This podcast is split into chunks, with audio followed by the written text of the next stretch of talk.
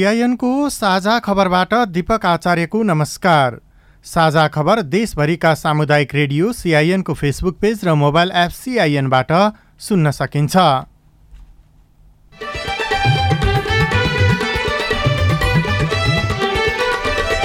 प्रधानमन्त्रीको भारत भ्रमणका बारेमा राष्ट्रिय सभामा पनि असन्तुष्टि। उठेका प्रश्नमा प्रधानमन्त्रीद्वारा सम्बोधन अत्यावश्यक सेवामा हडताल गर्न निषेध गर्ने मन्त्री परिषदको निर्णय। र यो गृह मन्त्रालयको प्रस्तावमा आवश्यक सेवामा हडताल गर्न निषेध गरी आदेश जारी गर्ने र सोको सूचना नेपाल राजपत्रमा प्रकाशन गर्ने भन्ने छ। भुटानी शरणार्थी प्रकरणमा भइरहेको बहसमा उच्च पदस्थ व्यक्तिलाई उन्मुक्ति दिन खोजेको भन्दै विरोध। जिल्ला इकाइ खारेज हुनबाट जोगाउन निर्वाचन आयोगद्वारा सांसद तथा दलहरूलाई आग्रह निष्पक्ष निर्वाचनको लागि जिल्ला इकाइ आवश्यक रहेको सांसदहरूको भनाई। वर्षमा यो काम गरे बापत अधिकतम पन्ध्र करोड रुपियाँभन्दा बढी बचत हुने अवस्था देखिँदैन। के पन्ध्र करोड रुपियाँ बचत गर्नको लागि निर्वाचनको निष्पक्षतामा सम्झौता गर्नुपर्ने अवस्थामा हामी पुगिसकेको हो त?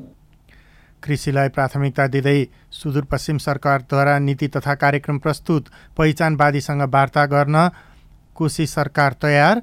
काङ्ग्रेस र माओवादीको दावीका कारण कोशी सरकार गठनमा अन्यलता। समस्याहरूलाई सम्बोधन गर्न काङ्ग्रेसको नेतृत्व मात्र सक्षम छ भन्ने हामीलाई लाग्छ। त्यस कारणले पहिलो नेतृत्व काङ्ग्रेसले पाउनुपर्छ भन्ने हाम्रो दावी हो। र शहीद स्मारक ए डिभिजन लिग फुटबलमा हिमालय शेर्पालाई हराउँदै मछिन्द्र विजयी।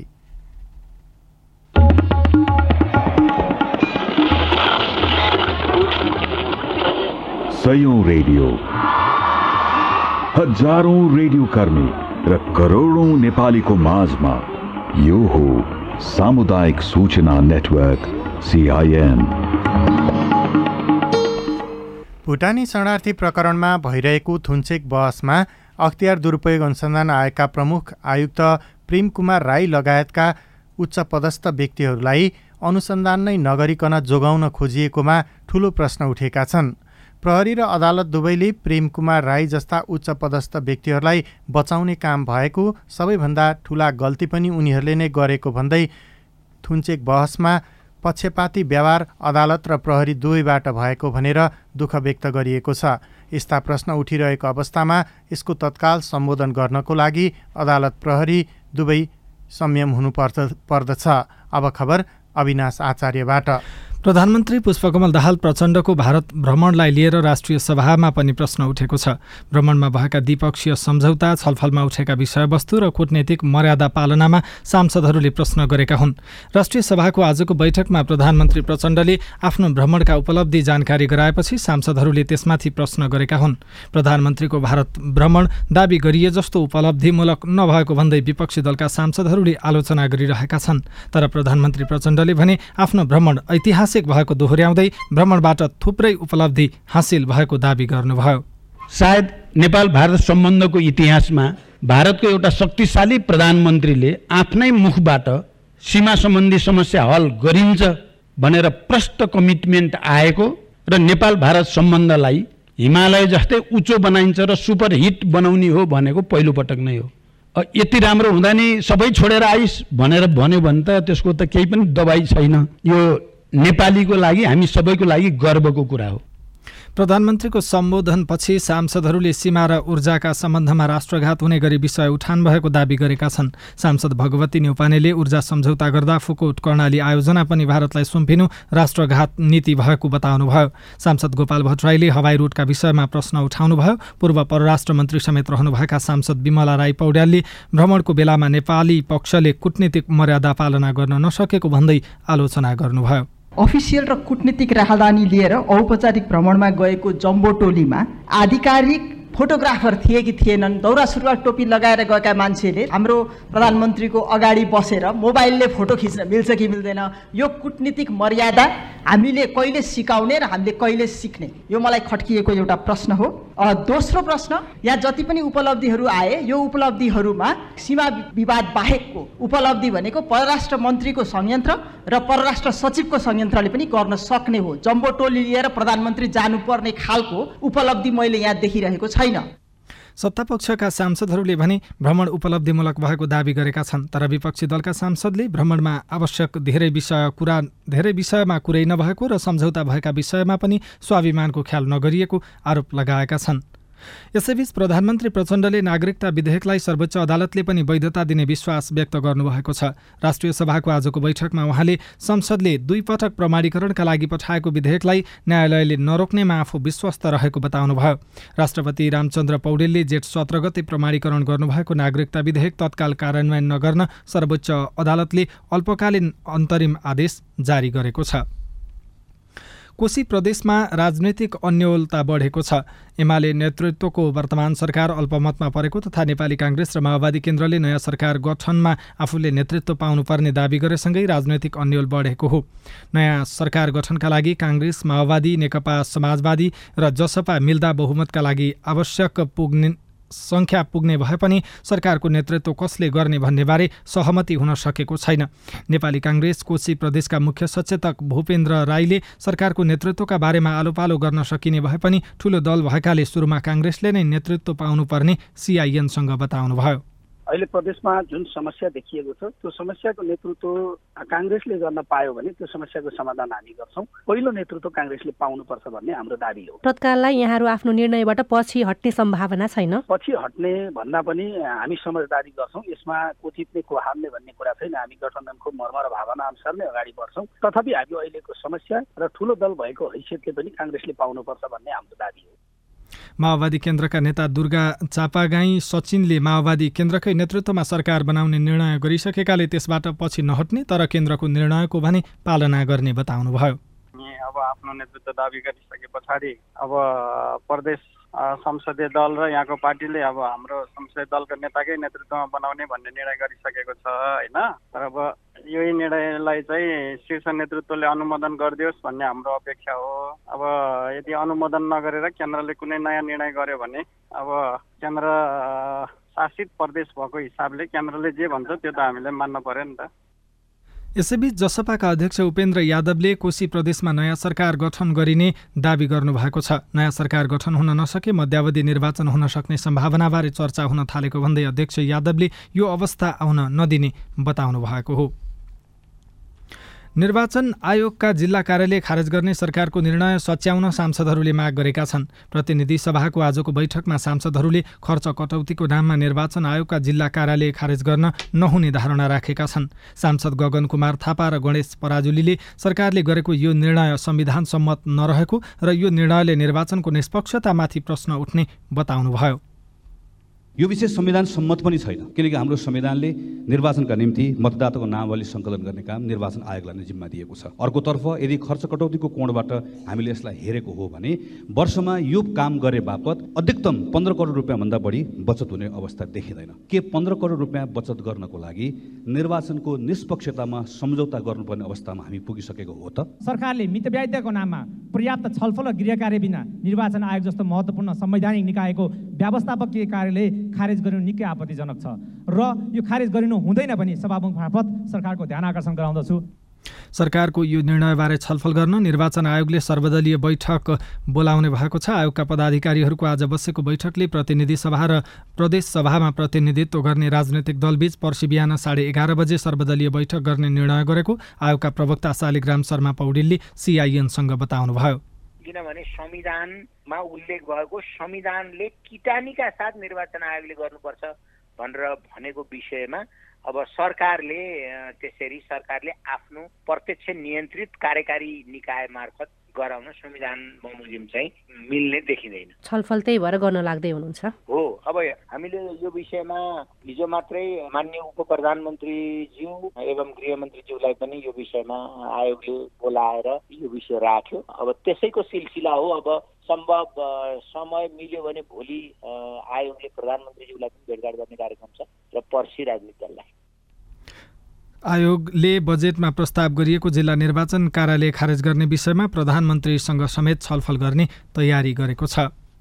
सरकारले विद्युतीय व्यापारको व्यवस्था गर्न बनेको विधेयक संघीय संसदमा पेश गर्न स्वीकृति दिएको छ। आज बसेको मन्त्री परिषदको बैठकले यस्तो निर्णय गरेको हो। त्यस्तै बैठकले काठमाडौँ महानगरपालिकाका मेयर बालेन्द्र शाहलाई जेठ उन्तिस गतेदेखि एकतिस गतेसम्म बेल्जियममा आयोजना हुने कार्यक्रममा सहभागी हुन जान दिने लगायत छवटा निर्णय गरेको सञ्चार तथा सूचना प्रविधि मन्त्री रेखा शर्माले जानकारी दिनुभयो। काभ्रेपलाञ्चोक जिल्लाको पाँचखाल नगरपालिकामा रहेको औद्योगिक ग्रामलाई महिला उद्यमी विशेष औद्योगिक ग्राममा रूपान्तरण गर्ने भन्ने निर्णय भएको छ। कालीमाटी फलफुल तथा तरकारी बजार विकास समितिको अध्यक्षमा सहसचिव श्री मदन भुजेललाई तोक्ने भन्ने निर्णय भएको छ र यो गृह मन्त्रालयको प्रस्तावमा आवश्यक सेवामा हडताल गर्न निषेध गरी आदेश जारी गर्ने र सोको सूचना नेपाल राजपत्रमा प्रकाशन गर्ने भन्ने छ।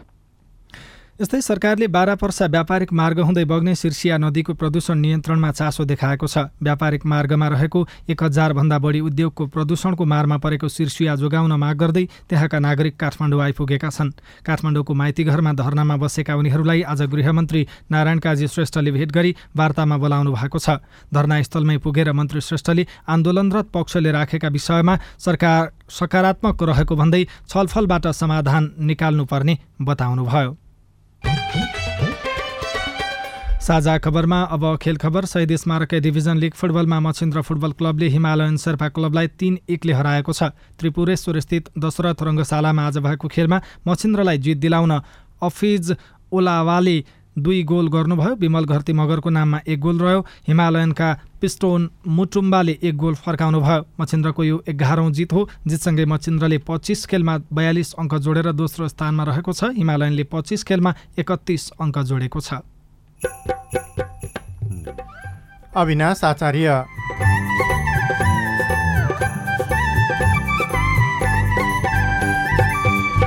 पाल्पा दरबार सङ्ग्रहालय घुम्ने पर्यटकहरूको सङ्ख्या बढ्दै लुम्बिनी प्रदेश स्तरीय सङ्ग्रहालय पाल्पामा चुन्नु चाहिँ नि यो पाल्पाको लागि गौरव विषय हो र यसले पर्यटनको लागि ठुलो मद्दत पुर्याउँछ। आम्दानी पनि बढ्यो। रिपोर्टसँगै निजी विद्यालयले छात्रवृत्ति वितरणको विवरण पेश नगरे सम्बन्धन खारेज गर्ने काठमाडौँ महानगरपालिकाको तयारी लगायतका विषय सामग्री बाँकी नै छन्। सिआइएनको साझा खबर सुन्दै गर्नुहोला।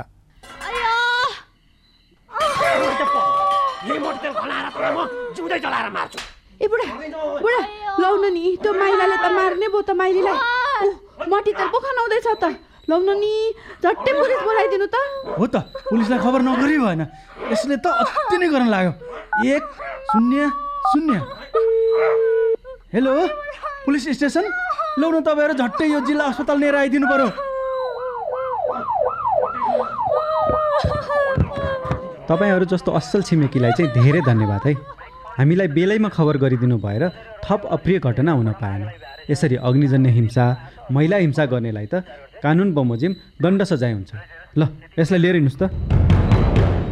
सावधान। पेट्रोल मट्टीतेल जस्ता ज्वलनशील पदार्थ लगायत तेजाब करेन्ट आदिले जलाई ज्यान मार्ने अङ्गभङ्ग गर्ने शारीरिक क्षति पुर्याउने जस्ता आपराधिक कार्य गर्नेलाई प्रचलित कानुन अनुसार कडा भन्दा कडा सजाय तथा जरिवानादेखि जन्मकैदसम्म हुने व्यवस्था छ। त्यस्ता कार्य नगरौँ नगराउँ। अग्निजन्य हिंसा भएमा उजुरी गर्न प्रहरीको नम्बर एक शून्य शून्यमा र अन्य आवश्यक सहयोगको लागि बिबिएस नेपालको फोन नम्बर शून्य एक चौन्न पचपन्न छ आठ नौमा सम्पर्क गर्नुहोला।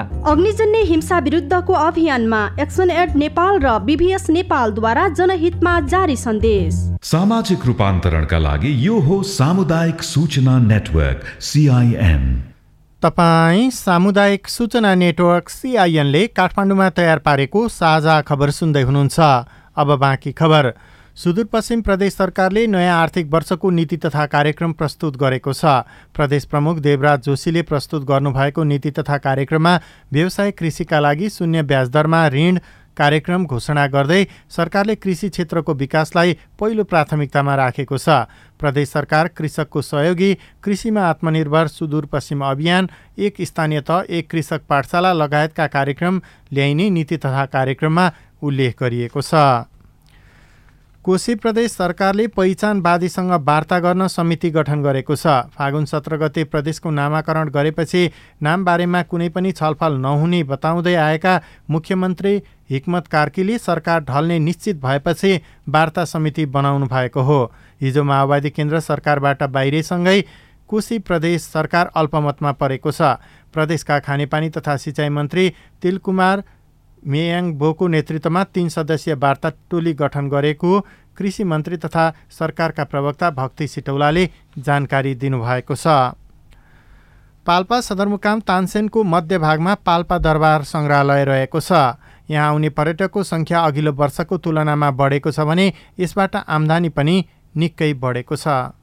उन्नाइस सय पन्ध्र सालमा बद्री नरसिंह राणाले तानसेनमा दरबार निर्माणको सुरुवात गर्नुभएको थियो। तर अहिलेको दरबारको स्वरूप भने उन्नाइस सय बयासीदेखि सात वर्ष लगाएर प्रताप शमशेरले निर्माण गराएको विवरण भेटिन्छ। यहाँ घुम्न आउनेहरू ऐतिहासिक तथ्यका बारेमा जानकारी पाएर खुसी हुने गरेका छन्। काभ्रे पाँचखालबाट आउनुभएका सावित्रा लामिछाने। जुन हाम्रा लोप हुँदै गएका लोप उन्मुख वस्तुहरू यो सङ्ग्रहालयमा सजाएको रहेछ। चाहिँ उनीहरू नयाँ पिँढीका थिए। उनीहरूले चाहिँ कति कुराहरू चाहिँ हामीले नदेखेका वस्तुहरू देख्यौँ। हामीलाई थाहा थिएन। दुई हजार बैसठी सालमा तत्कालीन माओवादीले आक्रमण गर्दा यो दरबार पूर्ण रूपमा ध्वस्त भएको थियो। दुई हजार चौसठी सालमा शान्ति तथा पुननिर्माण मन्त्रालयको सहयोगमा सुरु गरिएको पुननिर्माणको काम छ वर्षमा सकिएको हो। दुई हजार बहत्तर मङ्सिर तिन गते पाल्पा दरबार सङ्ग्रहालय बनाइएको हो। पाल्पा हुगीका जगन्नाथ अर्याल। लुम्बिनी प्रदेश स्तरीय सङ्ग्रहालय पाल्पामा चुन्नु चाहिँ नि यो पाल्पाको लागि गौरव विषय हो र यसले पर्यटनको लागि ठुलो मद्दत पुर्याउँछ।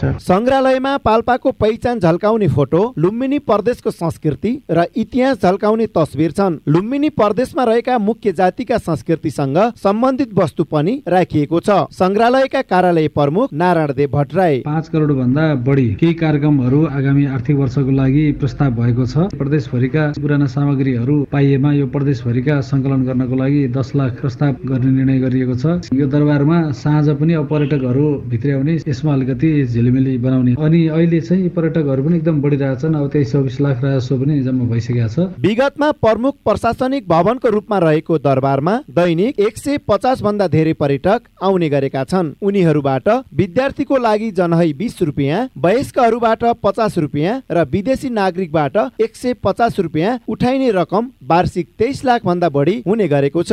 Bhuwan Raymajhi CIN radio Muktinath Palpa. साझा खबरमा अब हेलो सिआइएन उषा तामाङबाट।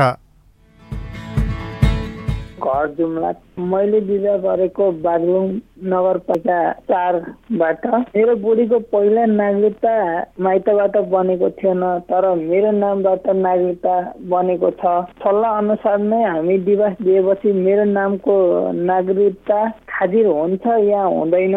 तपाईँको जिज्ञासा समाधान गर्दै हुनुहुन्छ। जुम्लाका प्रमुख जिल्लाधिकारी जय कुमार घिमिरे। डिभोर्स गरेको चाहिँ अदालतले प्रमाणित गर्छ। अदालतबाट डिभोर्स हुन्छ जिल्ला अदालतबाट। अनि जिल्ला अदालतको डिभोर्सको निर्णय फैसला राखेर नागरिकताको प्रतिलिपि लिनुपर्छ। अनि नागरिकताको प्रतिलिपि लिँदा हामी त्यहाँ श्रीमतीको नाम श्रीमानको नागरिकता छ भने श्रीमतीको नाम श्रीमतीको नाम छ भने श्रीमानको नाम चाहिँ हटाएर दिन सक्छौँ मनिष तिमल सिन्हा बागमती गाउँपालिका वडा नम्बर सात हिन्दीबाट। यहीँ ललितपुरमै स्वास्थ्य बिमा गऱ्यौँ। स्वास्थ्य बिमाको सेवा सुविधा चाहिँ अन्य जिल्लाको हस्पिटलबाट लिन पाइन्छ कि पाइँदैन? तपाईँको प्रश्न हामीले स्वास्थ्य बिमा बोर्डका प्रवक्ता शम्भु प्रसाद गेवालीलाई सुनाएका छौँ। आफ्नो घर ठेगाना नजिक भएको सरकारी अस्पतालबाट सबभन्दा पहिला बिमाको सेवा लिनुपर्छ होइन?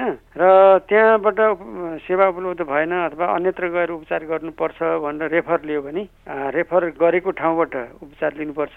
तर अन्यत्र जिल्लाबाट पनि तपाईँ सेवा लिन चाहनुहुन्छ भने त्यो इमर्जेन्सीको हकमा मात्रै हुन्छ। अरू जिल्लामा गएको बेलामा इमर्जेन्सी ट्रिटमेन्ट गर्नु पर्यो भने स्वास्थ्य बिमामा सूचीकृत भएको जुनसुकै अस्पतालबाट पनि सेवा लिन पाइन्छ। तर नर्मलमा सामान्य अवस्थामा आफूले बिमा सूचीकृत गर्दाखेरि जुन अस्पताल प्रथम सेवा बिन्दु भनिएको छ त्यहाँ जानुपर्छ र त्यहाँबाट पेसेन्ट पूर्जा लिएर त्योभन्दा माथिल्लो केन्द्रमा गएर उपचार गर्न सकिन्छ। अनि सोलुखुम्बुको लिखुपिके गाउँपालिकाबाट सूर्य बहादुर थापाको सुझाव छ। हाम्रो देशमा मधुरी जेला अहिले छ सय सात सय छ। ससासेले मजदुरलाई खाना लाउन पुग्दैन। विभिन्न हाइवेले रेट राम्रो दिएको छैन। ठुल्ठुला बडाहरूको चाहिँ रेट दुई लाख तिन लाख रेट छ।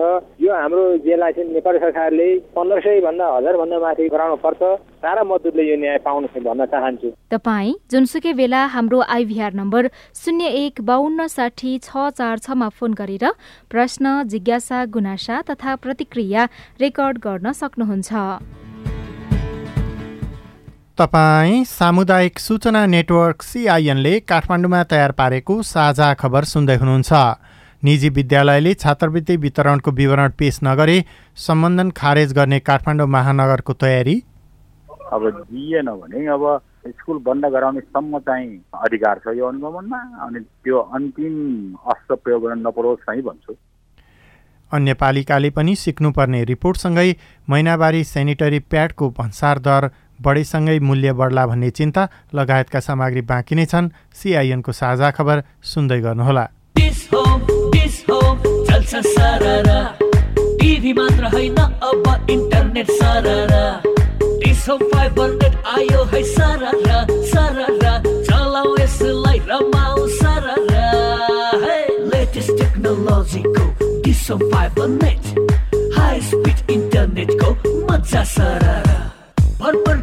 किफायती मात्र होइन यसमा। डिएच फाइबर नेटको एप्सले दिन्छ खुसी सररा। Dish home dish home dish Home fibre net चलाउ है इन्टरनेट अब सररा। Dish Home fibre net life चल्छ सररा। सिआइएनको साझा खबर अब नेपाली पात्रोमा पनि। स्थानीय राष्ट्रिय तथा अन्तर्राष्ट्रिय समाचार नेपाली एफएम तथा अनलाइन रेडियोहरू एकै ठाउँमा सुन्न तिथि मिथि तथा पञ्चाङ्ग सम्बन्धी सबै जानकारी लिन।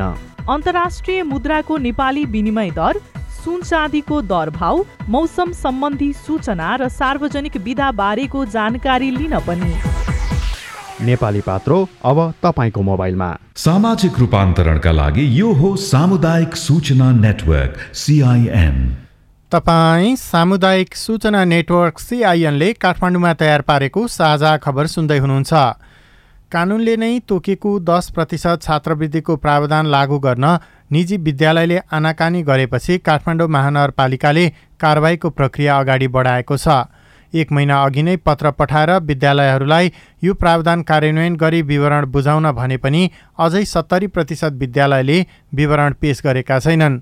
यस्ता विद्यालयको सूची प्रकाशित गरेर महानगरपालिकाले विवरण पेश नगरे सम्बन्धन खारेज गर्ने सम्मको तयारी गरेको छ। कि महानगरपालिकाले साँच्चै कारवाही गर्न सक्ला त?